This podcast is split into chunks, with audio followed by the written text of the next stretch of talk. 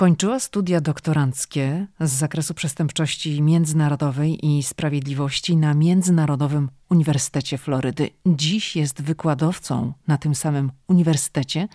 Jest także mamą dwójki dzieci, z których jedno potrzebuje dużo większego zaangażowania w opiekę ze względu na problemy ze zdrowiem. Jak Olga to wszystko łączy? Jak znalazła się w Stanach? Jak diagnoza zmieniła jej życie? Na jaką pomoc w USA mogą liczyć rodzice dziecka z niepełnosprawnością. O tym wszystkim rozmawiamy w odcinku. Dzień dobry, hello. Zapraszam na podcast. Hej, tu Lidia Krawczuk, dziewczyna ze Szczecina, która wylądowała w Waszyngtonie. Ameryka mnie fascynuje, żyję w niej od ponad dekady i cały czas ją odkrywam. Podróż do Stanów Zjednoczonych była zawsze moim marzeniem. Nie sądziłam jednak, że w Ameryce kiedyś zamieszkam. Jeśli Ciebie, tak jak mnie, ciekawią Stany i chcesz wiedzieć o nich więcej, to jesteś we właściwym miejscu. Opowiadam tu o Ameryce, o życiu w Stanach i o tym wszystkim, co odkrywam podczas mojej amerykańskiej przygody. Zapraszam na podcast Ameryka i ja. Zaczynamy.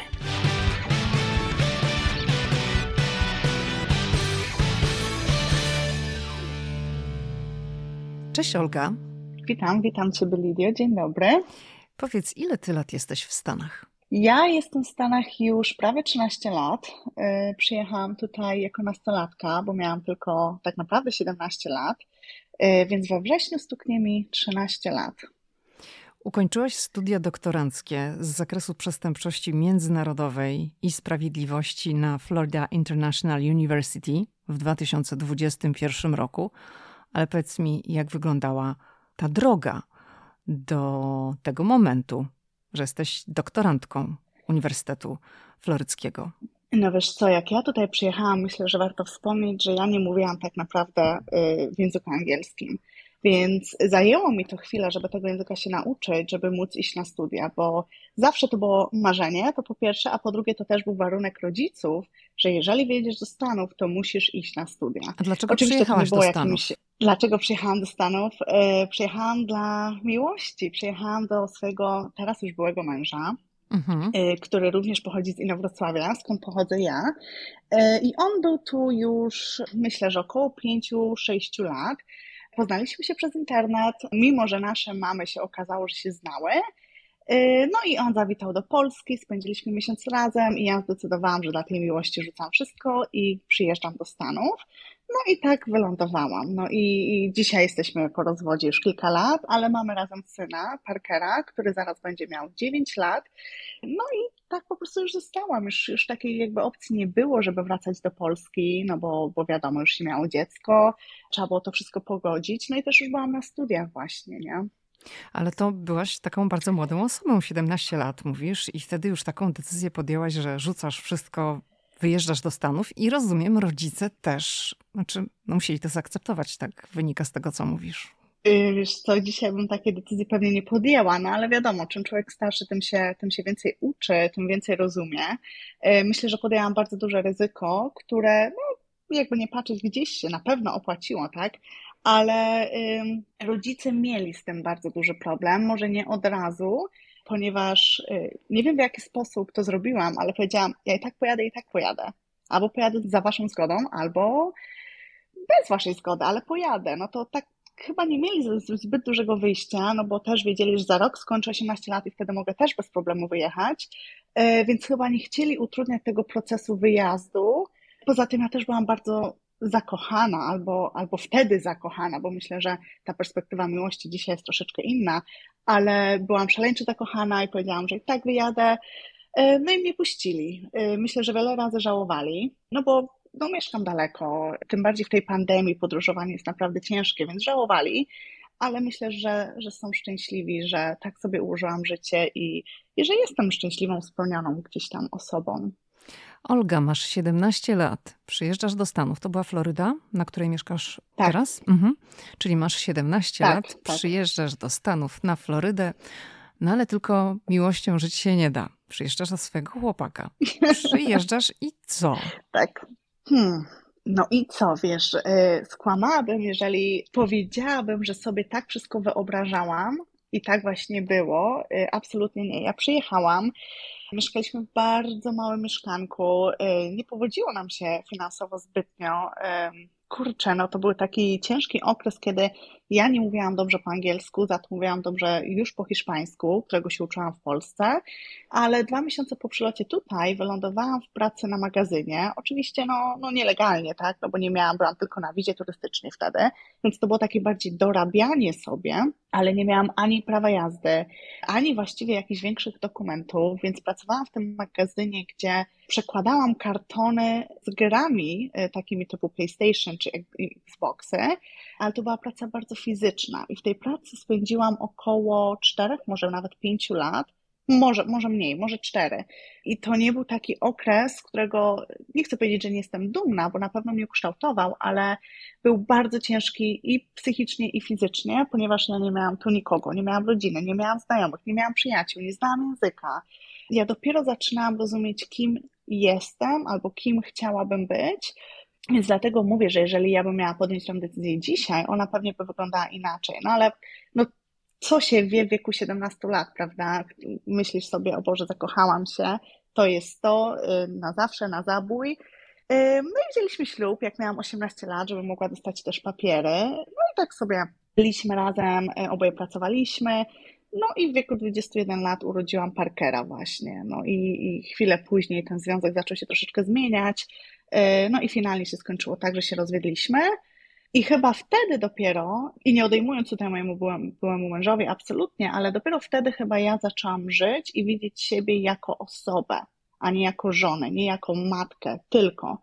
E, bo myślę, że to jest ważne, że doszłam do takiego punktu w życiu, że chciałam coś z tym życiem jednak więcej zrobić, niż być tylko czyjąś żoną, bo tak mnie każdy znał. Ja byłam żoną tego pana nie byłam sobą I, i dopiero wtedy zaczęła się tak naprawdę, mam wrażenie, moja przygoda w Stanach Zjednoczonych. To wtedy podjęłaś decyzję, że chcesz iść na studia? Yy, nie, ja te studia zaczęłam yy, będąc w 39 tygodniu ciąży z Parkerem, ale to był bardziej taki, żeby tylko zrobić ten licencjat, żeby jakiś papier mieć ponieważ e, mój były mąż chyba nie lubił tej idei, żebym dużo studiowała, żebym się wykształciła, żebym coś większego w życiu osiągnęła i, i myślę, że to były też zupełnie inne czasy y, dla niego. On też był dość młody, ale zaczęłam te studia tylko po to, żeby mieć ten papier. E, rozwiodłam się, zaraz ci powiem, oficjalnie jakieś 5 miesięcy przed ukończeniem licencjatu. I jak się rozwiodłam, to złożyłam papiery od razu na doktorat. I na ten doktorat się dostałam już po licencjacie i już po rozwodzie. A powiedz, skąd się wziął ten pomysł, żeby, bo te studia doktoranckie to są z zakresu przestępczości międzynarodowej i sprawiedliwości, tak dobrze mówię? Tak. Skąd się to wzięło? To było od Skąd samego się... początku, czy gdzieś tam, no bo ta nauka w Stanach, studiowanie wygląda troszeczkę inaczej niż w Polsce. Na początku to się tak studiuje praktycznie wszystko i gdzieś w pewnym momencie obiera się jakąś drogę. Jak u ciebie to wyglądało? No to tak, to u mnie to wyglądało podobnie, bo e, jak robiłam licencję, to ja brałam przedmioty nawet z psychologii dziecięcej, ponieważ e, e, chciałam gdzieś tam nauczyć się tego, jak być lepszą mamą, jak postępować z dzieckiem, więc mimo, że ja studiowałam kryminologię, to kilka przedmiotów było właśnie z psychologii dziecięcej, ale też brałam takie przedmioty jak neuropsychologia i terminologia medyczna.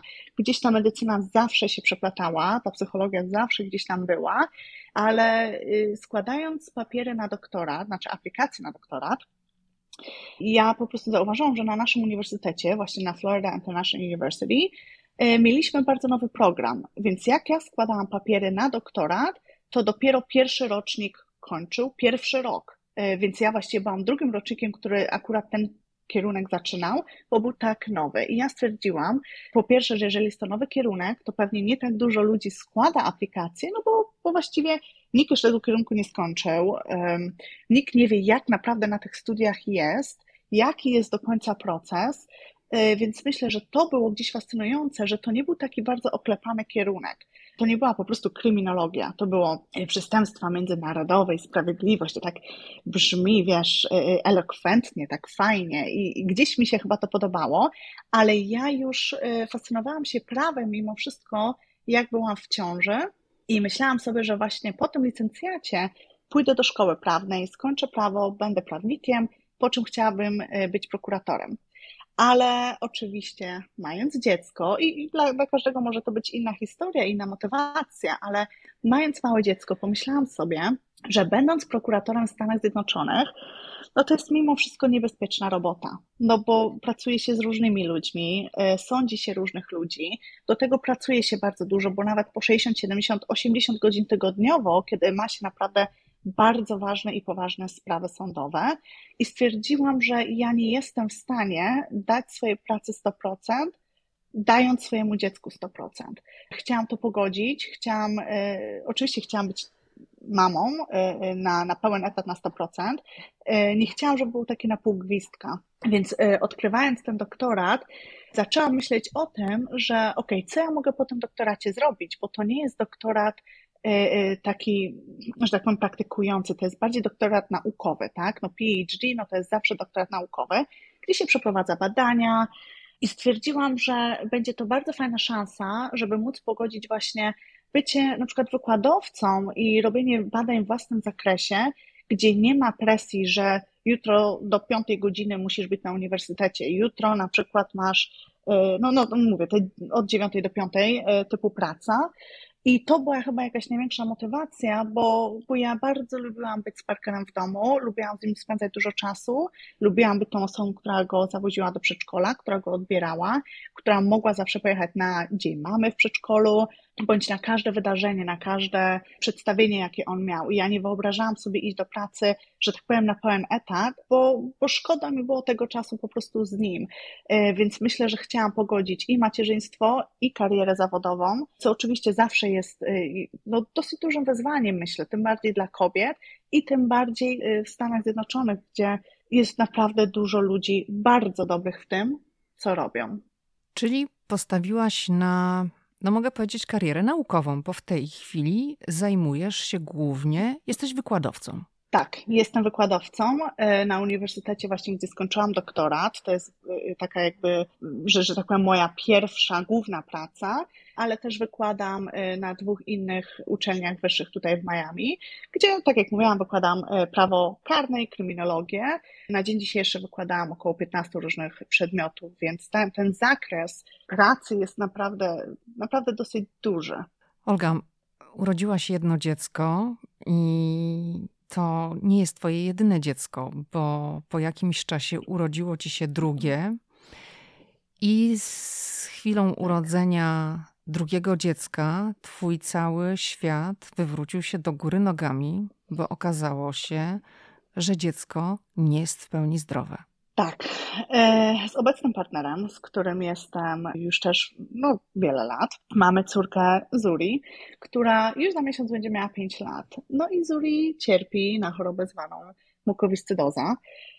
E, choroba bardzo rzadka tak naprawdę, no bo, bo e, patrząc na statystyki, cierpi na nią tylko około 70 tysięcy ludzi na całym świecie, więc to choroba, o której większość ludzi mimo wszystko nie ma pojęcia ale coraz więcej się o niej dowiaduje, mimo że ta wiedza nie jest taka pewnie, jak ja bym chciała, oczywiście z mojego punktu widzenia, żeby ona była. Tak, ale no więc mamy tak zwanego mukolinka, bo, bo ja ją nazywam mukolinkiem. Olga, jak się wiesz, wrzuci w wyszukiwarkę w Google mukowiscydoza, to wyskakuje od razu takie określenie. Wrodzona choroba uwarunkowana genetycznie, polegająca na zaburzeniu wydzielania przez gruczoły zewnątrz trzydzielnicze. Dobrze mówię? Zewnątrz trzydzielnicze. Tak.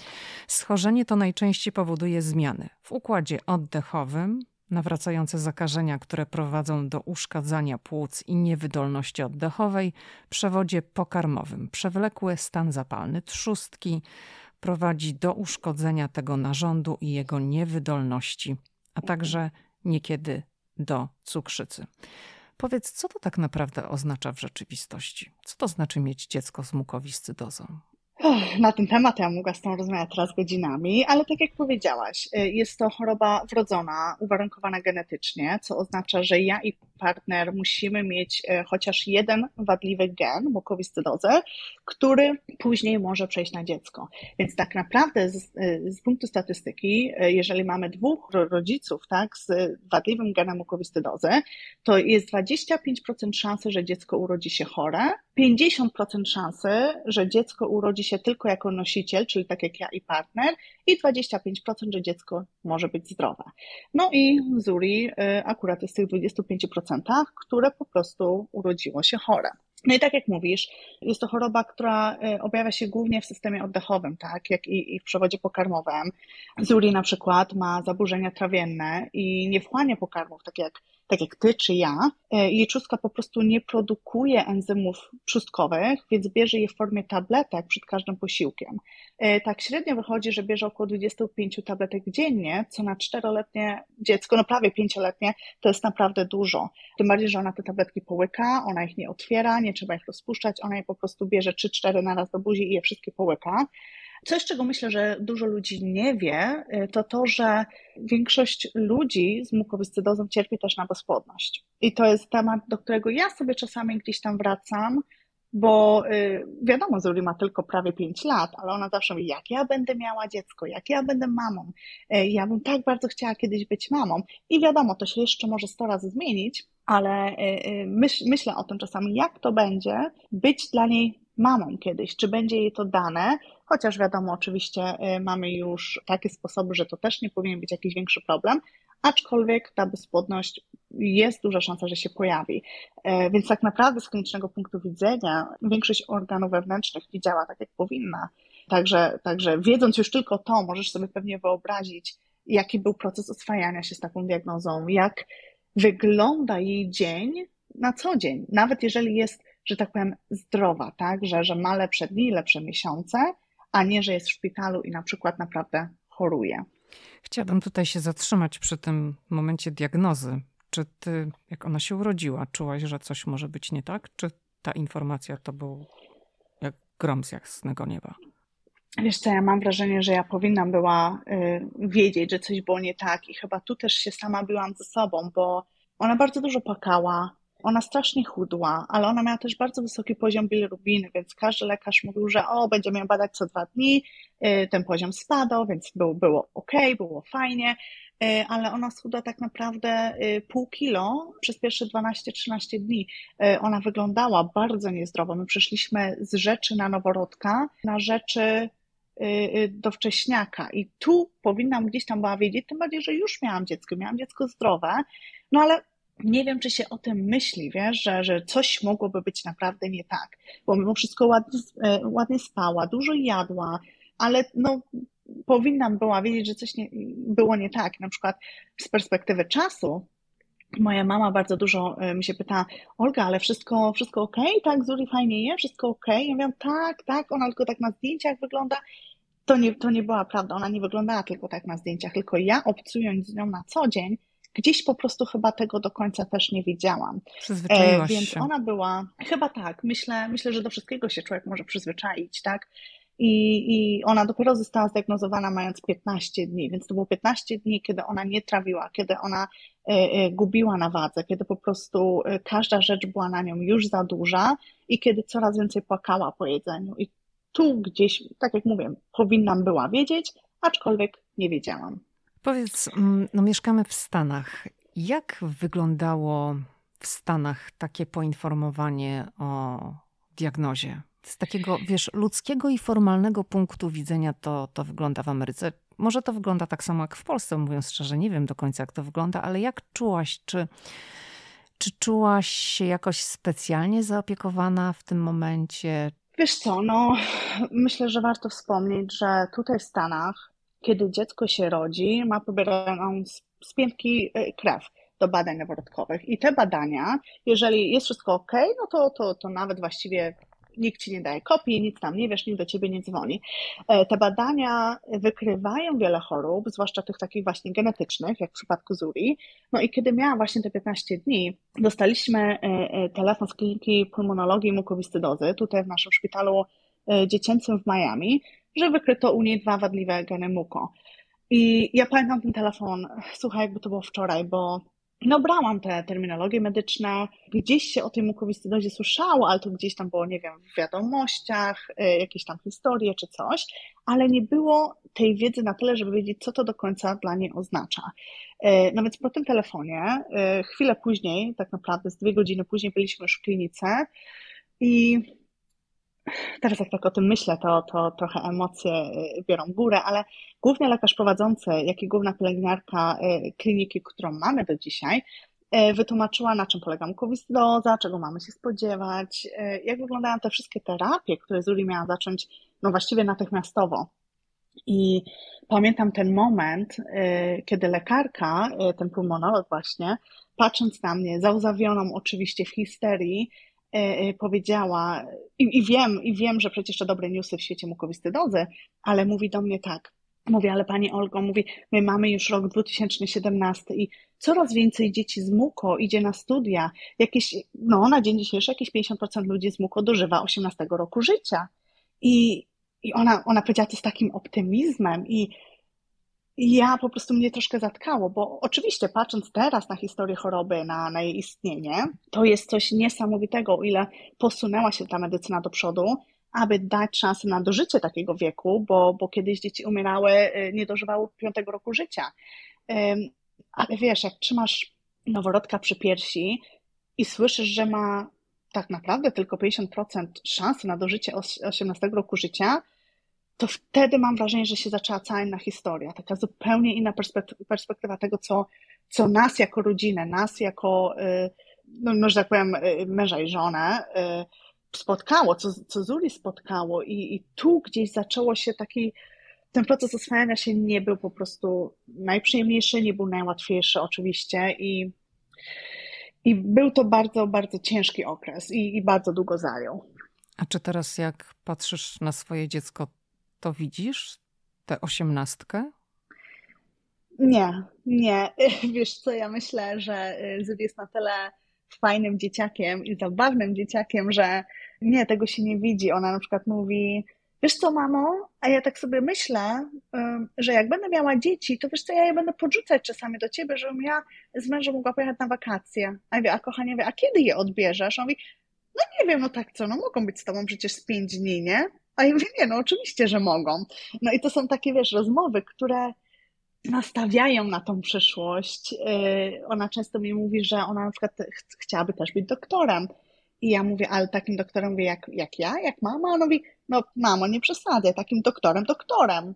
Ty nie jesteś takim prawdziwym doktorem. I to są, wiesz, takie rozmowy, które nastrajają fajnie na przyszłość. Tej osiemnastki się już nie widzi, ale widzi się to, co może się dziać e, e, w tym właśnie wieku, od przeszczepu płuc po przeszczepu na przykład wątroby, jeśli będzie taka potrzeba.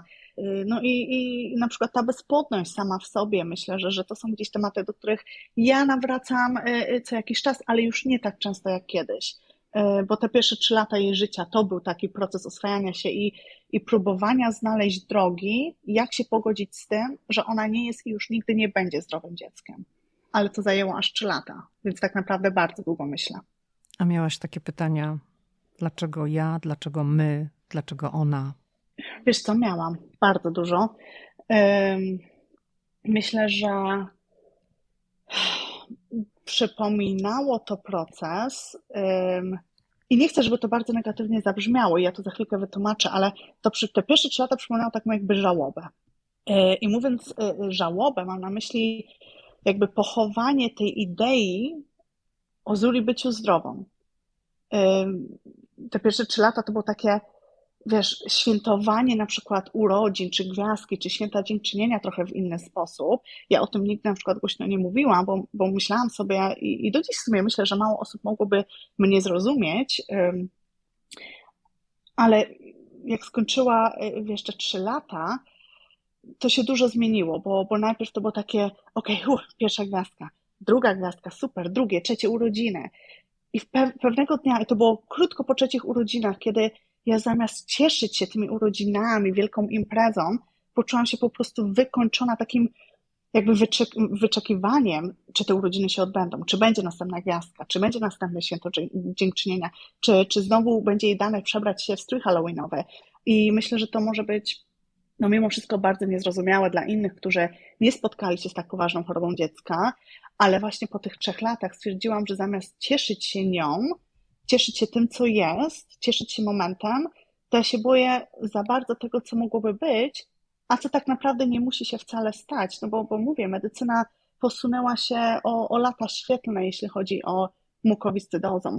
I w tym momencie to godzenie się z chorobą zaczęła wyglądać trochę, wiesz, inaczej. Trzeba było oswoić się oczywiście z innymi rzeczami, takimi jak nie możemy jutro wsiąść w samolot i polecieć do Polski czy tam do Niemiec, gdzie mieszkają rodzice, e, tak jakbyśmy to zrobili z samym Parkerem, który jest zdrowy.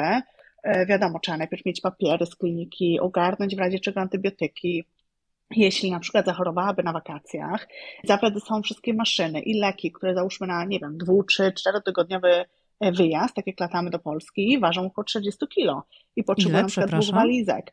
Około 40 kilo. Same maszyny ważą około 20-25 kilo. Mhm. Jakie to są maszyny?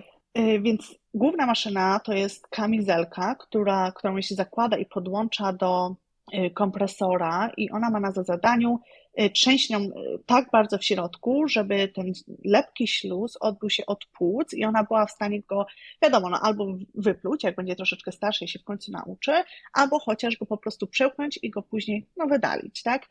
No więc ona robi tą terapię na przykład dwa razy dziennie po 30 minut. Jak jest zdrowa? Jak jest chora, to jest około 4-5 y, razy dziennie, plus inhalacje, które robi 5 razy dziennie. Jak jest, mówię, zdrowa, do 12 razy dziennie, jak jest chora, e, jeżeli ma jakieś problemy e, e, oddechowe. Więc to nie jest takie łatwe, mówię, bądź podróżowanie, wyjeżdżanie gdzieś, trochę się planuje wokół, wokół mukowiscydozy, że jeżeli wiemy, że jej pojedziemy tu na plażę, no to wiadomo, trzeba się obudzić też troszeczkę wcześniej, bo ona potrzebuje to tam 40-35 minut na terapię, potrzebuje troszeczkę więcej czasu, żeby wziąć wszystkie leki, tabletki, żeby zjeść pożywne śniadanie, ale to, to już stało się taką rutyną, że się o tym też nie myśli. Y, więc, więc na pewno to się dużo zmieniło po tym, jak ona skończyła te trzy lata. No ale wiesz, nawet patrząc na, na pandemię, ona zawsze na przykład nosiła maski. Teraz wszyscy noszą maski, tak? Y, mhm. Ale głównie, y, ale przepraszam, Zuri nosiła te maski odkąd miała rok, bo musiała, czyli w każdej galerii handlowej nosiła je w sklepie spożywczym, w samolocie, na lotnisku, E, I ludzie na przykład komentowali, dorzucali takie swoje, wiesz, dwa grosze, ale że po co, że dlaczego i jak, przecież taka mała, ale nie musi. Dziś myślę, że już tego nie ma, ponieważ wszyscy tak żyją, jak my zawsze żyliśmy, choć też myślę i przyznaję się, że ja już po prostu na to nie patrzę i ja już tego nie słucham, bo jej zdrowie jest priorytetem i to, czy się to komuś podoba, czy nie, no to my musimy żyć w jakiś tam troszeczkę bardziej określony, specyficzny sposób. Chciałam Cię zapytać, Olgo, o opiekę zdrowotną w Stanach nad dzieckiem niepełnosprawnym. No bo wiemy, żyjemy w Ameryce, że koszty medyczne są tutaj bardzo duże. I powiedz, jak to wygląda? Czy państwo, rząd amerykański partycypuje w tego typu kosztach, czy jak masz dziecko z niepełnosprawnością, bo jeżeli masz dziecko z mukowiscydozą, to to jest to masz dziecko z niepełnosprawnością, czy masz ułatwiony dostęp do terapii, do leków? Jaka jest pomoc i czy jest? To znaczy tak, ja myślę, że w każdym stanie jest to pewnie inna historia. Są inne prawa, y, którymi się oczywiście y, szpitale, y, ubezpieczenia rządzą. U nas to wygląda tak, że Zuri ma ubezpieczenie stanowe, na szczęście, ponieważ inaczej to by były koszty nasze, około minimum 30 tysięcy e, rocznie z naszej kieszeni, zanim ubezpieczenie by coś pokryło. 30 tysięcy dolarów zaznaczmy. Opieka, mhm. 30 tysięcy, tak, dolarów. Ale sama jej opieka medyczna, czyli leki, wizyty u lekarzy, specjalistów, wynoszą około pół miliona dolarów rocznie, jeżeli nie jest w szpitalu. Jeżeli jest w szpitalu, gdzie tak było przez pierwsze trzy lata naprawdę dużo, bo była w tym szpitalu dziewięć razy, no to jest to około miliona, jeżeli nie więcej, miliona dolarów. E, więc myślę, że mając ubezpieczenie stanowe, tak jak my mamy, bądź państwowe, e, ludzie w Polsce tak właściwie na to patrzą, na pewno nam to ułatwia, bo jeżeli musimy coś kupić, to są to, to rzeczy na przykład takie, które tak czy siak ja bym kupiła sama z siebie, czyli na przykład maski do inhalacji, żeby je zmieniać częściej, ale nie są to koszta oczywiście w setkach bądź tysiącach dolarów. Był taki moment, kiedy Zuri straciła te ubezpieczenie stanowe na chyba okres 3 bądź 4 miesięcy i wtedy to było taki, to był taki ciężki okres, bo ona była ciągle chora, ciągle w szpitalu, nie miała żadnych leków, ale na wysokości zadania e, stanęła po pierwsze Fundacja Mukowiscydozy, e, ale też jej własna klinika. Zapewnili nam takie jakby vouchery, e, na przykład na miesiąc lub dwa od każdego producenta leku, dystrybutora leku, żeby ona ten lek dostała za darmo. Więc jeżeli na przykład do jednej inhalacji dziennie na miesiąc tam jeden lek wynosi na przykład 4800, no to sobie wyobraź, nie będąc w stanie za to zapłacić, tak? Także mieliśmy na tyle szczęścia, że naprawdę y, fundacja nam z tym pomogła i załatwili nam wszystkie leki, które ona potrzebowała, a klinika sama od siebie na przykład potrafiła dzwonić, powiedzieć, słuchaj Olga, ja wiem, że tu jeszcze nie ma ubezpieczenia, możesz podjechać, bo mamy na przykład ileś tam enzymów dostępnych właśnie, żeby takie jakby próbek, gdzie na przykład nie było 100 tabletek, tylko było 20 w każdym opakowaniu. Ona mówi, mogę dać wam z 10-20 opakowań, żebyście na ten miesiąc mieli.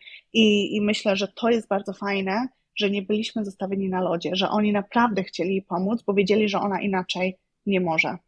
A dlaczego twoja córka straciła ubezpieczenie? Yy, wiesz co, straciła ubezpieczenie, ponieważ aby mieć ubezpieczenie stanowe, trzeba zarabiać troszkę mniej niż przeciętni ludzie. I ja wtedy właśnie nie pracowałam jeszcze, więc y, czy tam pracowałam gdzieś dorywczo. I to był taki etap, gdzie ja nie miałam dochodu, a za chwilkę go miałam, i oni chcieli po prostu sprawdzić, ile mamy tego dochodu, y, jak to wygląda, ile potrzebujemy, ile płacimy za co, żeby określić, czy ona może to ubezpieczenie dostać. No i zajęło to, to parę miesięcy i powiedzieli, dobrze, y, właściwie to ona się kwalifikuje, z tego względu, że ona jest y, uznawana za niepełnosprawną. Czyli Olga, rozumiem, że takie ubezpieczenie zdrowotne w przypadku, gdy ma się dziecko z niepełnosprawnością, to wcale nie jest taki gwarant, że rodzić się dziecko, jest orzekana niepełnosprawność i ty z klucza otrzymujesz ubezpieczenie stanowe, państwowe, jak to tam sobie nazwiemy, tylko to jest uzależnione również od sytuacji materialnej rodzica. Tak, y, wiadomo, znowu mówię, że, że w każdym stanie może to wyglądać inaczej. U nas na Florydzie, y, bądź przynajmniej w naszym hrabstwie, wyglądało to tak, że Zuri będąc w szpitalu tyle razy i mając na przykład sondę, którą ma w brzuszku, e, aby móc ją dokarmiać, ona zakwalifikowała się do renty.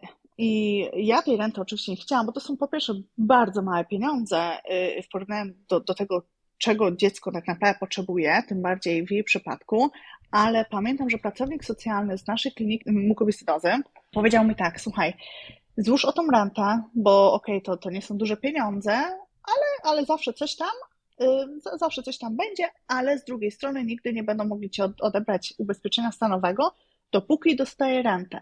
A w jej przypadku, jako osoba niepełnosprawna w naszym prawie, tej renty nie będzie odebra miała odebranej w najbliższych pewnie latach. Yy, więc to jest taka, takie jakby zaplecze fajne, bo w momencie, jeżeli komuś przysługuje renta, czyli jeszcze Social Security, to nie może mieć odebranego państwowego bądź stanowego ubezpieczenia. I, I, myślę, że tylko dlatego tak naprawdę ona jeszcze to ubezpieczenie państwowe ma, bo jeżeli byłoby to zależne od innych czynników, to pewnie by je już dawno temu straciła. Zatem dziecko z niepełnosprawnością dla rodziców, na przykład takich no, dzieci, które nie mają przyznanej renty i którzy powiedzmy zarabiają więcej niż przeciętnie, to są bardzo duże wydatki w Stanach, bo nie ma ubezpieczenia stanowego. Mhm. Tak, to są bardzo duże wydatki. Ja pamiętam e, na jakimś forum właśnie dla mam e, dzieci z mukowiscydozą i tutaj na Florydzie czytałam, kiedy na przykład mówiły, nie wiem, czy mam się rozwieść, nie wiem, co mam zrobić, ponieważ z mężem zarabiamy tyle i tyle e, i nigdy nie będzie jej przysługiwać państwowe ubezpieczenie. I pamiętam, że któreś z mam, znaczy wiele mam właściwie, yy, mówiły, że za samo ubezpieczenie płacą około 1200 dolarów miesięcznie. Za samo ubezpieczenie. Ale zanim to ubezpieczenie wskoczy, muszą najpierw pokryć yy, sami z, z własnej kieszeni yy, tam chyba 7,5 tysiąca, inne mamy 10,5 tysiąca, inne mamy 13 tysięcy dolarów, żeby to ubezpieczenie zaczęło pokrywać wszystkie inne wydatki. Więc w przypadku osoby chorej na mukowiscydozę te 10 tysięcy, nawet 15, jeżeli to miało być nawet 15 tysięcy, gdzie zazwyczaj nie jest, a tak do 13, e, e, to, to jest taki, no taki wachlarz, myślę, od 5 do 13 tysięcy e, tego własnego, własnych kosztów, to zazwyczaj się płaci w pierwsze dwa tygodnie stycznia. No to wyobraź sobie płacić tyle, gdzie się jeszcze płaci przykład 1200 miesięcznie za samo ubezpieczenie. My mówimy o naprawdę bardzo dużych pieniądzach, po 20, 25, 30 tysięcy rocznie, kosztów rodzica, żeby to dziecko mogło mieć ubezpieczenie. To jest, to jest straszne. Ja sobie nie wyobrażam, jak ludzie mogą sobie na to pozwolić. I pamiętam, że, że był właśnie taki moment, kiedy ona to ubezpieczenie straciła, i ja sobie pomyślałam, no dobrze, no będę mieć doktorat, no i co teraz? Czy mam się zgodzić na mniejsze wynagrodzenie, żeby ona mogła to ubezpieczenie państwowe mieć? Czy mam oczekiwać jeszcze większego wynagrodzenia, niż ktoś chciałby mi zaoferować, żeby jakby te 20-30 tysięcy wydane na ubezpieczenie zdrowotne Zuri nie było odczuwalne. No bo tak naprawdę, no, no to jest ciężki temat, tak? No, no to, to nie są pieniądze, mówimy 100, 100, 100 300, 500 dolarów, tylko to są już dziesiątki tysięcy czasami. No to są bardzo duże koszty i tutaj może też od razu tak uściślimy dla osób z Polski, które niekoniecznie orientują się w systemie ubezpieczeń zdrowotnych w Stanach Zjednoczonych. W Stanach w dużej mierze, to znaczy wszystko zależy od ubezpieczenia, ale bardzo często pacjent musi partycypować w kosztach. Jest coś takiego, co nazywa się deductible i początkowo tak. właśnie to jest ta suma, o której ty mówisz. Zanim firma ubezpieczeniowa przejmie na siebie koszty, nie wszystko też zawsze jest pokrywane, tak? To trzeba bardzo czytać tak. ubezpieczenie bardzo szczegółowo, co jest objęte ubezpieczeniem, ale to właśnie pacjent musi w tym pierwszym okresie partycypować w kosztach. I ty, tak jak, jak powiedziałaś, no to jest na przykład 13 tysięcy dolarów i najpierw trzeba te 13 tysięcy dolarów wydać z własnej kieszeni po to, żeby firma ubezpieczeniowa zaczęła pokrywać koszta związane z leczeniem i niestety po roku to się kasuje do zera i zaczynamy od nowa i zaczynamy od nowa. To jest po prostu niekończące y, się koło, które się nigdy nie zamyka. Wiadomo, dla ludzi takich jak ja, dla ludzi zdrowych, ja też mam takie te, te właśnie, jest tak zwane deductible, ale to są y, dużo mniejsze koszty, to po pierwsze, i myślę, że, że zanim ja nawet dojdę do tych tam dwóch i pół tysiąca, które ja bym musiała sama zapłacić za siebie, no to już przychodzi nowy rok, no bo tak, ja nie mam takich kończy. potrzeb mhm. medycznych. No Dokładnie. I, I, I, po prostu się ciągle zaczyna na nowo. Ale myślę, że, że warto też wspomnieć, że y, Zuri nie ma też zwykłego ubezpieczenia stanowego, tylko ma ubezpieczenie y, stanowe dla właśnie dzieci, nie nawet osób, dla dzieci y, ze specjalnymi potrzebami, tak ona się tutaj nazywa, czyli dla dzieci niepełnosprawnych. Więc w jej przypadku, ja wiem, że są zawsze gdzieś tam jakieś ograniczenia, jeśli chodzi o E, ubezpieczenia państwowe. W jej przypadku nie ma żadnych. Ona może być w każdym szpitalu, widzieć każdego lekarza e, na Florydzie. Wszystkie leki, wszystko jest zawsze w 100% pokrytych, ze względu na to, że jest w świetle prawnym osobą niepełnosprawną. Powiedziałaś, mm, Olga, że mm, na różnych forach tam kobiety się zastanawiały, czy ja mam się teraz rozwieść. Czyli jeżeli kobieta jest samotną matką, to wtedy jest jej łatwiej z punktu widzenia ubezpieczenia, bo otrzyma takie ubezpieczenie stanowe. Yy, ogólnie myślę, że tak, tylko no też... Jest jed, jedno źródło dochodu, tak? Tak, tylko jeżeli jest mama sobie sama, samotna matka, która zarabia na przykład 100 tysięcy dolarów na rok, no to będzie jej tak samo ciężko niż yy, parze małżeństw, które zarabia na przykład 50 tysięcy na rok każde, tak? Bo to chodzi o sumę, a niekoniecznie o to, o ilość osób, tak? Mhm. Zarabiających. No ale widzisz, no jak rozmawiamy szczerze, no to ci powiem, że to jest główny powód, dla którego ja i mój partner nigdy nie wzięliśmy ślubu, choć taki plan lata temu był.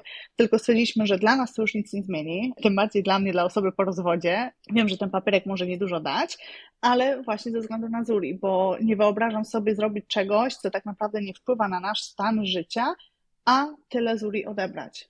Bo pamiętamy, jak to było, kiedy tego ubezpieczenia nie mogła przez chwilę mieć i nie było gorszego uczucia jako rodzic, że nie mogliśmy zapewnić podstawowych leków i, i to, było, to było straszne. I nie wyobrażam sobie, jak ludzie, bo przechodzą ludzie przez takie rzeczy, kiedy dziecko nie ma tego ubezpieczenia i, i nie wiem, nie wiem jak to robią i naprawdę podziwiam, że, że wiążą koniec z końcem. Powiedz Olga, jaki wpływ miała i czy ma choroba twojej córki na rozwój Twojej kariery zawodowej, bo Ty jesteś czynna zawodowo dalej. Oczywiście choroba Twojej córki, no myślę, że na pewno ma jakiś wpływ, ale jaki? Wiesz to myślę, że duży. E, po pierwsze, ja musiałam się troszeczkę chyba nauczyć, e, że ludzie mogą mnie widzieć troszeczkę inaczej niż ja bym tego chciała, bo zaczynając doktorat, ja byłam w trzecim miesiącu ciąży. Już wtedy pamiętam, że, że któryś tam profesor szepnął do drugiego, a po co ją zaakceptowaliśmy, że ona zaraz urodzi z dwójką dzieci, ona nigdy nie skończy. E, no myślę, że się troszeczkę zdziwili, ale były komentarze takie, na przykład ja pamiętam, brałam bardzo, bardzo ciężki przedmiot na doktoracie, który wymagał naprawdę bardzo dużo czasu, bardzo dużo sił, energii. I pamiętam, że podchodzę właśnie wtedy do profesora i mówię, e, mówię doktorze, mówię ja e, niestety w przyszłym tygodniu nie mogę przyjść, ponieważ mamy, y, mamy, musimy iść na konferencję na temat przeszczepu płuc u dzieci, w razie czego, jeżeli będzie to, to coś, co będziemy musieli zrobić. I pamiętam, że wtedy na mnie spojrzał, y, mimo wszystko jeden z moich ulubionych profesorów i jeden z najlepszych, jakich spotkałam w życiu. I mówi do mnie, no wiesz co, Olga, no przykro mi, no ale jeżeli przegapisz następne zajęcie, to prawdopodobnie nie zdasz. I ja pamiętam, że się odwróciłam wtedy na pięcie, powiedziałam, ale pokażę doktorowi, że, że, że, że zdam, że spokojnie. No i skończyłam e, z piątką, fakt faktem, że wymagało to dużo więcej roboty, ale już wtedy spotkałam się z czymś takim, że byłam oceniana przez to, że mam chore dziecko i chciałam to troszkę gdzieś odwrócić, bo myślę, że mając chore dziecko, jasne, mamy wiele więcej przeszkód na drodze zawodowej, ale też bardzo dużo drzwi, y, na przykład mukowiscydoza otworzyła no, no dla nas, dla mnie, wpłynęła też bardzo dużo na temat mojego doktoratu, na temat mojej pracy. Jak byłam z Uli w ciąży, to ja sobie myślałam, a nawet w sumie byłam pewna, że e, moje badania naukowe będą gdzieś w tematach bardzo takich poważnych, takich ciężkich, takich jak seryjni mordercy. A jednak podczas tej całej podróży z Muko ten pogląd się zmienił. I moje badania teraz, które ja właśnie e, skończyłam, ale nad którymi też jeszcze będę pracować przez najbliższe parę lat, opierają się właśnie na interakcjach funkcjonariuszy policji z osobami niepełnosprawnymi tutaj na Florydzie. Także myślę, że wiesz, dużo nam Muko zabrała, ale też dużo nam dała. I, I ja te badania właśnie, znaczy te badania były zainspirowane też przygodą y, y, z mukowiscydozą, y, z tym, jakie na przykład objawy Zuri ma, bądź mogłaby mieć, kiedy spotkałaby się z jakimś tam policjantem w razie wypadku, no, no w razie czego. I zaczęłam sobie kiedyś myśleć, co by było, gdyby czy ona miałaby taką pozytywną interakcję e, z policjantem bądź z policjantką i czy nie byłaby brana trochę tak, wiesz, na dwa razy przez te wszystkie objawy, które, które ona ma, ponieważ ma mukowiscydozę. I co ci wyszło z tych badań? No to moje badania, e, tak jak mówiłam, skupiałam się na czynnikach wpływających na pewność siebie policjantów na Florydzie w ich interakcjach e, z osobami niepełnosprawnymi. E, I te czynniki, które ja badałam i analizowałam, były one cztery, czyli trening w Akademii Policyjnej, trening, e, który policjanci po tej akademii otrzymują, czyli już e, jakby na stażu, plus doświadczenia osobiste z, z osobami niepełnosprawnymi i ich doświadczenia na Piesek służbie. nam zaszczekał, tak? Tak. Piesek okay. nam zaszczekał, tak, oczywiście. No i, i ich doświadczenia już na służbie. I wyniki pokazały, że mimo takiego powszechnego naszego przekonania o bardzo minimalnym szkoleniu na temat niepełnosprawności, które e, jest zapewniane funkcjonariuszom policji, e, spora część e, ankietowanych właśnie w moich badaniach przyznała, że, że tak, że oni odbyli szkolenie w zakresie niepełnosprawności podczas Akademii Policyjnej, jak i po ukończeniu tej akademii. Tylko, że później w tych badaniach Mimo to ponad 50%, y, no tam chyba było 55-56% z tych ankietowanych y, przyznała, że, że te szkolenie koncentrowało się wyłącznie na chorobach psychicznych, a niekoniecznie fizycznych. I również ci policjanci, y, no nie chcę powiedzieć powiedzieli, ale odpowiedzieli na, na różne pytania, z czego wynikało, że uważali, że więcej szkoleń związanych właśnie z niepełnosprawnością byłyby bardzo korzystne dla ich kariery. Um, I oczywiście nie chcę tutaj się e, rozgadywać w kontekście statystycznym, ale po przedstawieniu kilku potencjalnych scenariuszy e, spotkania osoby z niepełnosprawnością, te badania wykazały, że w skali od 1 do 5 policjanci na Florydzie czują się no, no, można powiedzieć, w miarę pewnie w tych interakcjach, ale ten numer nie jest aż tak zadowalający, bo wynosi 3,11. Więc 3,11 w skali od 1 do 5, jeśli chodzi o coś tak ważnego jak interakcje z osobami niepełnosprawnymi, to to naprawdę nie jest y, wysoki numer, tak?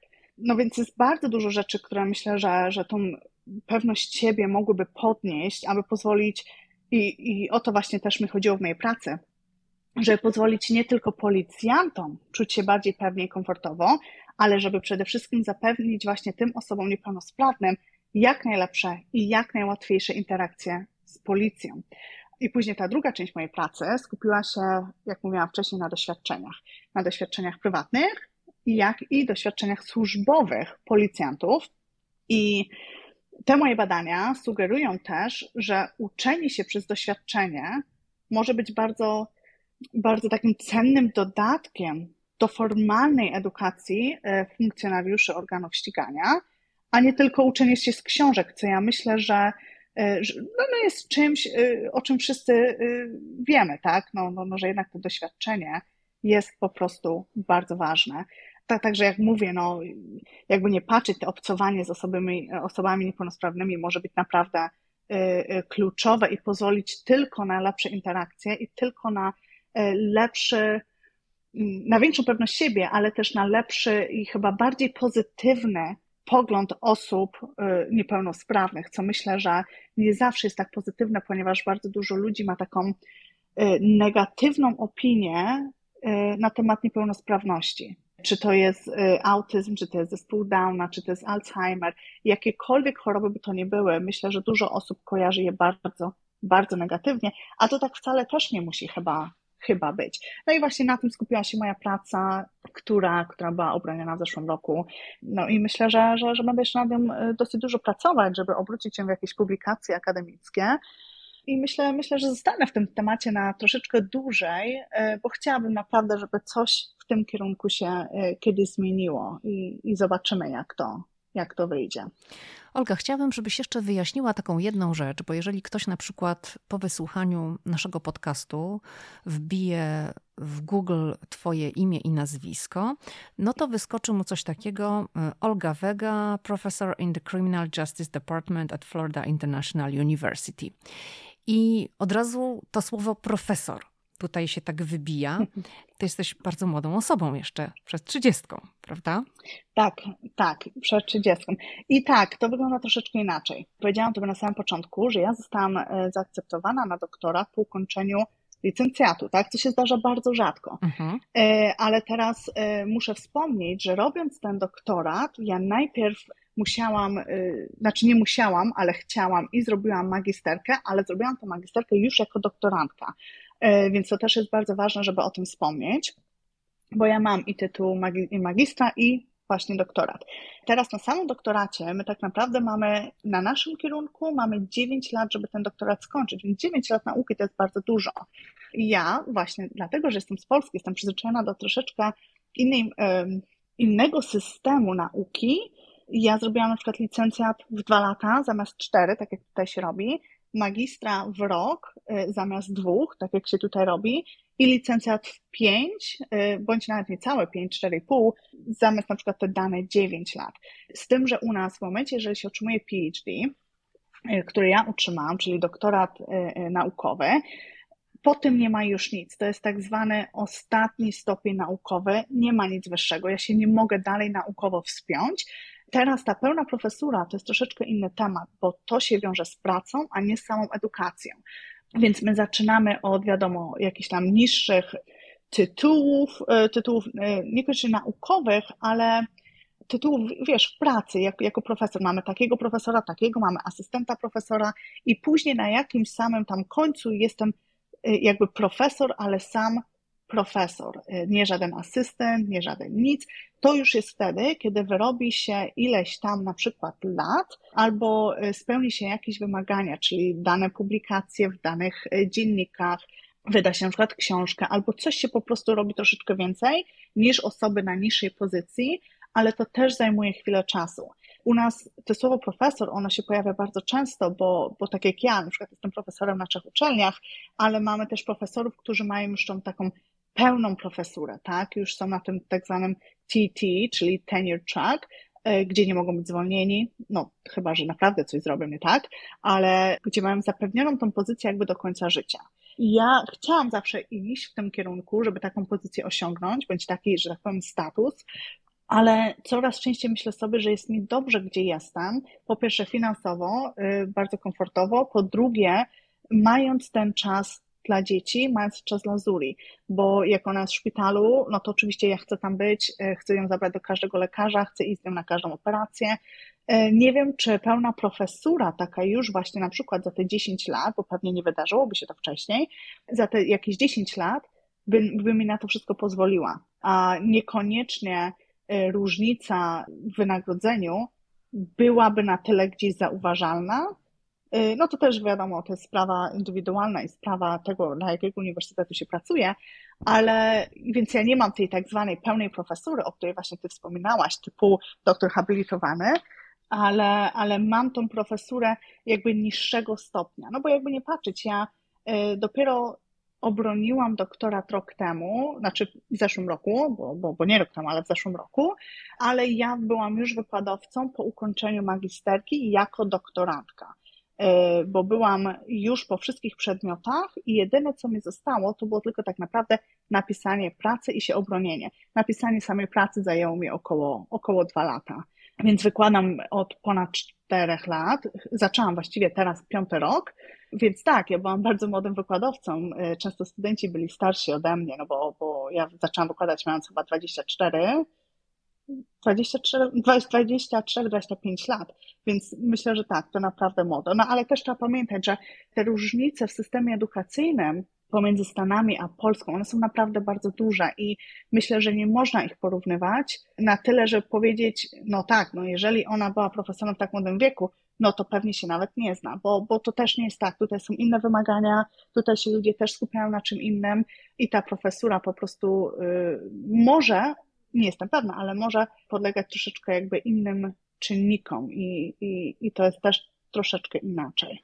Olga, a powiedz, jak ty to wszystko zrobiłaś, skoro na początku powiedziałaś, że ty praktycznie nie znasz angielskiego? E, pozwolę sobie na szczerość. Ja przyjeżdżając tutaj, no nie znałam angielskiego, potrafiłam zapytać komuś, jak się, jak, jak, jak się czuje, ale pamiętasz pewnie sama, że teraz może to wyglądać inaczej w Polsce, ale my byliśmy uczeni brytyjskiego akcentu. I ja pamiętam, że jak ja tu przyjechałam, to to było takie normalne, żeby móc powiedzieć coś w brytyjskim akcencie.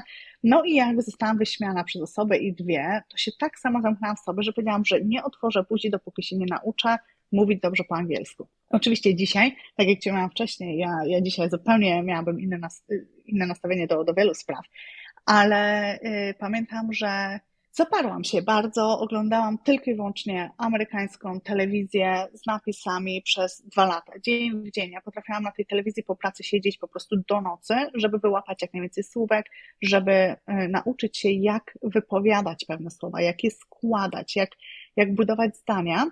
I wtedy, jak już miałam taką dosyć dużą podstawę tego angielskiego, ja zaczęłam bardzo dużo czytać w języku angielskim, tylko i wyłącznie. Ja do dzisiaj chyba mam tak naprawdę z dwie, trzy polskie książki, bo tak mi to weszło w krew, że skupiam się tylko i wyłącznie na tym angielskim, ponieważ jakby nie patrzeć, ja w tym języku pracuję, tutaj mieszkam, w tym języku piszę prace naukowe, ale był to bardzo ciężki okres i pamiętam, że maturę to ja tak zdałam, bo zdałam. Słuchaj, ja y, w Polsce pewnie by to w życiu nie przeszło, ale tutaj do niej podeszłam, jak się czułam w miarę komfortowo z językiem angielskim.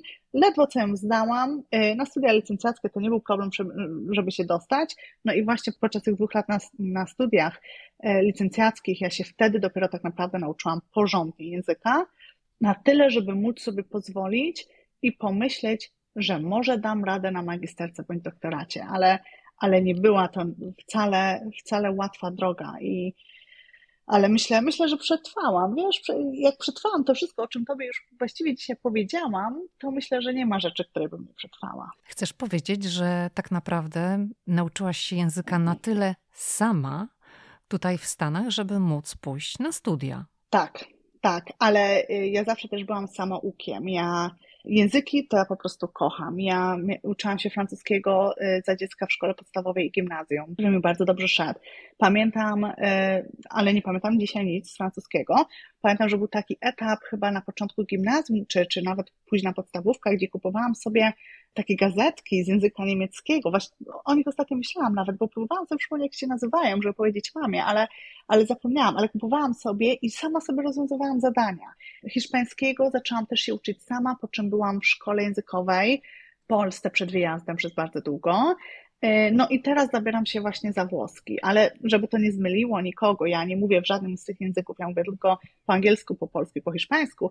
I właśnie zabieram się teraz za włoski, e, bo to zawsze była moja pasja i zawsze miałam do tego jakąś tam smykałkę, o czym nie mogę powiedzieć na przykład, jeśli chodzi o matematykę czy fizykę, więc to taka trochę, trochę moja pasja, uczyć się tych języków, być w stanie pojechać gdzieś w nowe miejsce i się w miarę porozumieć. Więc tak, ja jestem takim samoukiem, że, że mi na przykład takie dwa lata e, codziennie oglądania te, tej codzienności z telewizją, e, czytania książek angielskich, bądź nawet w pewnym momencie gazet, pozwoliła na to, żebym ja się tego języka nauczyła. Powiedz, czy potrafisz sobie powiedzieć, jestem z siebie dumna, na podstawie tego, co do tej pory osiągnęłaś, jaką drogę przeszłaś, jako dziewczyna, która tutaj przyjechała za miłością, a życie się wywróciło do góry nogami, jesteś w zupełnie innym miejscu niż, no to jest zresztą naturalne, ale myślę, że jak przyjeżdżałaś tutaj, nie sądziłaś, że tak twoja kariera zawodowa, twoje życie się tak potoczy. Czy, czy czujesz taką dumę? Mm, w związku z tym, do jakiego momentu doszłaś w swoim życiu teraz, tuż przed trzydziestką? Wiesz co, to był mój plan na pewno i żeby skończyć doktorat przed 30, żeby móc powiedzieć, byłam doktorem w wieku 29 lat i myślę, że jeszcze chyba nie doszłam e, do tego, żeby powiedzieć sobie, że jestem z siebie dumna i wiem, że to, to, to zabrzmi troszeczkę dziwnie, ale mam wrażenie, że czym więcej ja robię, bo to nie, nie musi dotyczyć wszystkich ludzi, ale tym więcej, co, co osiągam i, i, i co robię w życiu, tym więcej chcę. I już gdzieś zaczynają się pojawiać takie no trochę chore pomysły, żeby wrócić na przykład na następną magisterkę, która mi tak naprawdę nic nie da, ponieważ będzie to o stopień niżej y, niż, niż to, co właśnie zrobiłam. I mam wrażenie, że, że jest ciągle coś nowego, co ja chciała zrobić i nie doszłam chyba jeszcze do tego, żeby otwarcie stanąć przed lustrem i powiedzieć wow Olga, ale odwaliłaś kawał dobrej roboty, jestem z ciebie dumna.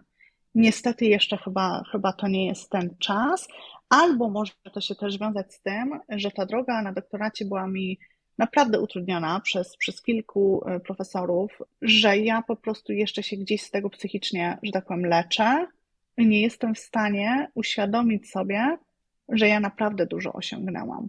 Więc to może być taka kombinacja tych dwóch czynników, ale, ale myślę, że dojdę do tego niedługo. Myślę też, że dużo ludzi nie pozwoliło mi gdzieś na odczucie tego, że to, co robię, to jest po prostu coś wielkiego, bo zawsze się słyszało, no ale jeżeli nie ty, to kto? Jeżeli nie ty, no w takiej sytuacji, jeżeli zrobiłaś magisterkę, to już doktora też zrobisz. I to gdzieś przyczyniło się do tego, że, że to było tak normalne, wspinać się po tej drabinie i to osiągnąć, i to tak tylko odhaczać na karteczce y, z listy jakichś marzeń bądź y, y, planów, że, że nie jest to niestety tak odczuwalne. To jak ty to robisz? Jak ty łączysz karierę zawodową z opieką nad dzieckiem niepełnosprawnym, które ma duże potrzeby, bo jak mówiłaś, to jest terapia dwa razy dziennie. Trzeba małą podłączyć do, do urządzeń, trzeba ją wozić do lekarza. To co, ty po nocach to wszystko robisz? Jak ty to robisz? Wiesz co, ja powiem najpierw tylko, zanim odpowiem Ci na pytanie, że ja myślę, że my mamy bardzo dużo szczęścia, że Zuri uwielbia medycynę. Ona jest y, tak niesamowitym dzieckiem. Słuchaj, ona prosi, ona wręcz błaga o badania krwi, o prześwietlenia, ona prosi o wizyty w klinice, y, co naprawdę zadziwia, bo większość dzieci, a nawet dorosłych tak naprawdę tego nie lubi.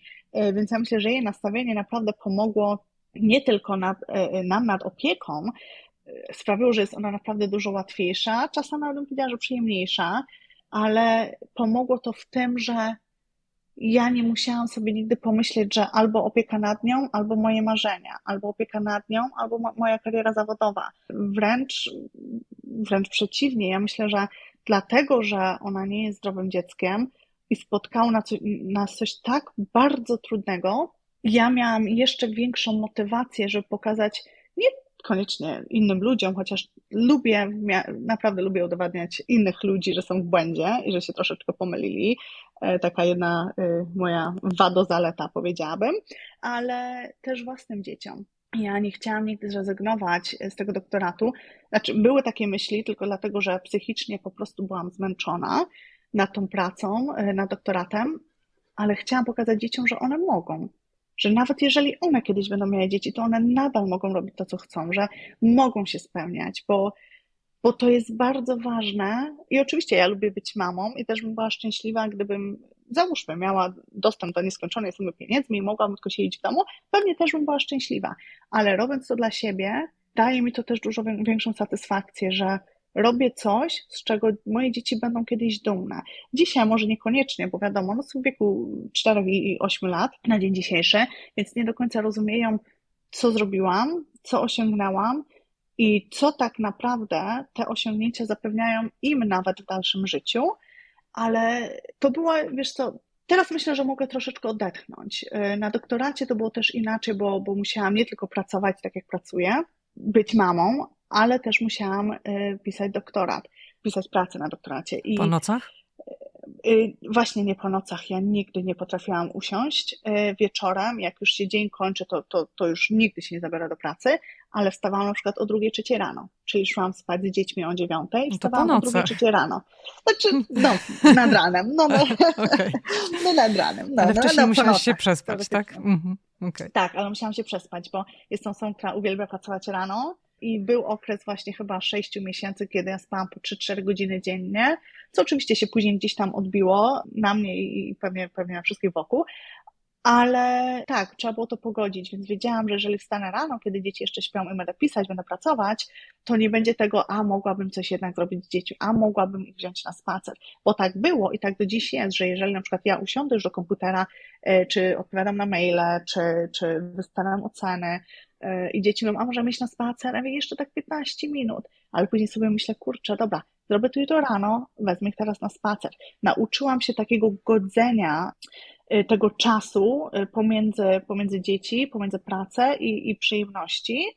Ale też wiesz co, powiem ci, mówiąc o tym, czego się nauczyłam, jak tak sobie myślę, jeśli chodzi o Zuri głównie, to ja bardzo nauczyłam się, jak ważne jest umiejętne podzielenie czasu między dziećmi, bo jak Zuri się urodziła, jej opieka pochłonęła, no nie tylko mną, ale wszystkimi naprawdę strasznie, tak, zarówno psychicznie, jak i fizycznie, i zajęło mi chwilę, żeby uświadomić sobie, że Parker e, już jako wtedy tam prawie czterolatek potrzebuje tyle samo uwagi, co i ona. I że mimo, że jest zupełnie zdrowe, to nie powinien być, jakby można było powiedzieć, wiesz, karany lub mniej istotny tylko dlatego, że on nie ma takich potrzeb jak ona. Więc od wielu lat spędzam taki indywidualny czas obojgiem, że na przykład czasami Zuri zostaje dłużej w przedszkolu, a ja biorę Parkera na taką, wiesz, nazywam to zawsze randką, mhm. czyli lunch w ulubionej restauracji, albo do kina, albo na plac zabaw. I to samo też robię z Zuri, na przykład jeżeli e, Parker ma zajęcia pozalekcyjne, to na przykład ją biorę gdzieś do jej ulubionej restauracji. Tak spędzam czas dużo e, z nimi razem, ale też bardzo staram się mieć trochę czasu takiego sam na sam z każdym dzieckiem, bo myślę, że to jest też bardzo ważne. I myślę, że dużo mi uświadomiła właśnie ta przygoda z doktoratem, bo ten czas był bardzo ograniczony i ciężko jest mimo wszystko spotkać y, się z takimi, spełnić, spełnić wymogi dwójki dzieci, które są tak bardzo różne, jeśli chodzi o osobowość i które zupełnie inne rzeczy lubią. Więc nie sądziłam kiedyś, że będę tyle czasu indywidualnego spędzać z każdym z nich, ale na pewno się właśnie tego nauczyłam w ostatnich czasach. A czy masz oprócz języków jeszcze jakąś pasję? Czy mam jakąś pasję? Y, wiesz to coraz częściej y, zaczynam grywać w różne sporty ostatnio, y, bo mam więcej na to czasu. I ja wiem, że to może zabrzmi troszeczkę smutnie i będzie trochę przykre, ale ja nie miałam dużo czasu na pasję, słuchaj, w ciągu ostatnich ośmiu lat, robiąc te wszystkie tytuły naukowe, ale powiem też Tobie, że tak jak wykańczające mogło to gdzieś to być, jedną z moich pasji też jest naprawdę, y, też są badania naukowe. I ja naprawdę to lubię robić i to jest takie, nie, jakbyś mnie zapytała trzy lata temu, czy, czy ja to lubię, to bym powiedziała, że nie, że, że, że absolutnie ja nie chciała w tym siedzieć, ale ja naprawdę to lubię. I ja mam wrażenie, że to bardzo pozwala mi się rozwijać. to, to jest zawsze nowa wiedza, nowi ludzie, których się e, poznaje, na przykład pisząc takie prace, ale przede wszystkim ta wiedza. Uwielbiam to, co robię i, i fajne jest to, że mogę połączyć pasję z pracą, bo czuję mniej, jakbym pracowała. Dla mnie wykłady na przykład to nie jest praca taka, wiesz, jak ktoś mówi, ojej, muszę dzisiaj iść do pracy. Nie, ja, ja tak bardzo to lubię robić, e, bo jest to po prostu moją pasją. Ja lubię uczyć, lubię wykładać, lubię pomagać tym studentom też coś osiągnąć. Ale lubię bardzo też podróżować. E, wiesz, w Stanach może nie widzieliśmy dużo, bo lubimy wracać do tego samego miejsca, e, żeby, żeby zobaczyć nowe rzeczy w tym samym miejscu, ale bardzo lubię podróżować i chciałabym, oczywiście w zależności od pandemii, gdzieś w tym roku naprawdę pojechać na jakieś fajne wakacje z dala od domu, e, z dala od Stanów i gdzieś w nowe miejsce, gdzie ani ja, e, ani dzieci, ani nikt jeszcze nie był. To I myślę, że właśnie w Europie czy na świecie? Wiesz co, y, marzy mi się Dubaj na przykład, mhm. Y, marzy mi się Włochy, we Włoszech nigdy nie byłam i myślę, że któraś właśnie z takich, y, z takich miejsc może się spełni w tym roku, ale mówię, zależy dużo od, od tej pandemii, od sytuacji na świecie. Ale myślę, że ten Dubaj tak troszeczkę siedzi mi w głowie ostatnio. Ten Dubaj musiałby być chyba pod koniec roku albo teraz, bo wiesz, chyba później tak. będzie tam tak gorąco, że nie da się tam wytrzymać. Mhm. Tak, tak. E, I ja wiem, że mimo, że mamy tutaj bardzo ciepłą pogodę, to ludzie mówią, że, że Dubaj to jest zupełnie Mówią, Olga, gdzie ty do Dubaju? Kurczę, przecież tam tak gorąco.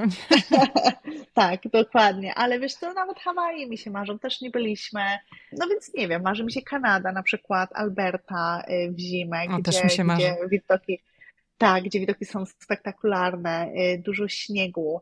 E, nasze dzieci też bardzo lubią zimę właśnie, oczywiście nie taką zimę e, na co dzień, ale chciałyby też pojechać, e, spróbować na nartach, uwielbiają, uwielbiają śnieg i właśnie też mi się tak marzy, więc tak chciałabym to też trochę gdzieś pogodzić z dziećmi wiadomo, no bo podróżowanie z dziećmi może być tak łatwe, jak sobie tylko właściwie tego zażyczymy, ale też będąc na przykład w Paryżu, czy będąc w Rzymie, chciałabym zobaczyć troszeczkę inne rzeczy, które dzieci mogą jeszcze nie interesować, więc to musi też być takie połączone troszeczkę tej przyjemności dla nas jako dorosłych, ale przede wszystkim no jednak dla dzieci.